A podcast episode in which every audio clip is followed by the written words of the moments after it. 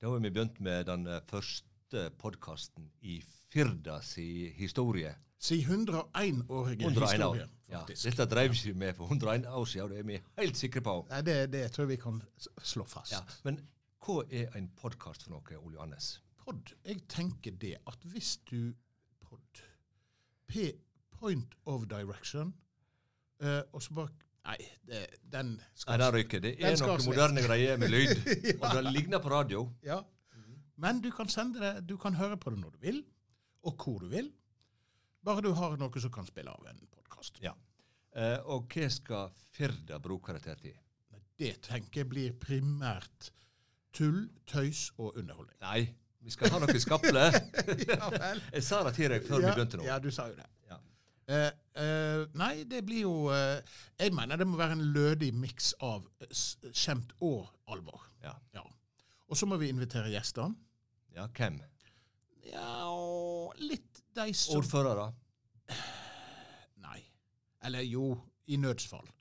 Vi, vi inviterer de som leserne har lyst til at vi skal invitere. Ja. Vet du hva?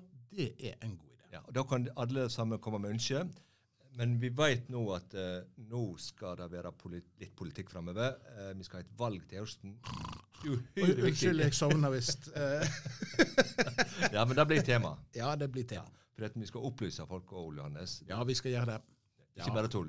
Nei, ikke bare. Jeg, det, det noterte jeg meg. Ja. Da skriver vi ned det. Eh, hvor ofte skal vi ha det? Det blir ikke noe fast. Ikke en gang i veka. Kanskje. Au, det syns jeg vi må prøve på. Ja, det må vi prøve på. Jo, det greier vi. Det greier vi.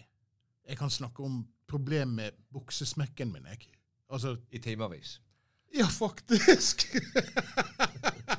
OK. eh, dette er starten på podkasten. Det blir ikke mer nå.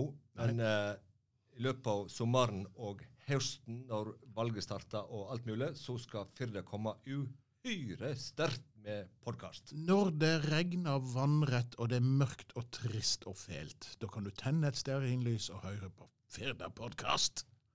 Og så en ting til. Eh, jeg hører at Børstebråten er eh, Han har vaklet det. Han har våkna igjen. Eh, hva han var for noe? Han var filosof.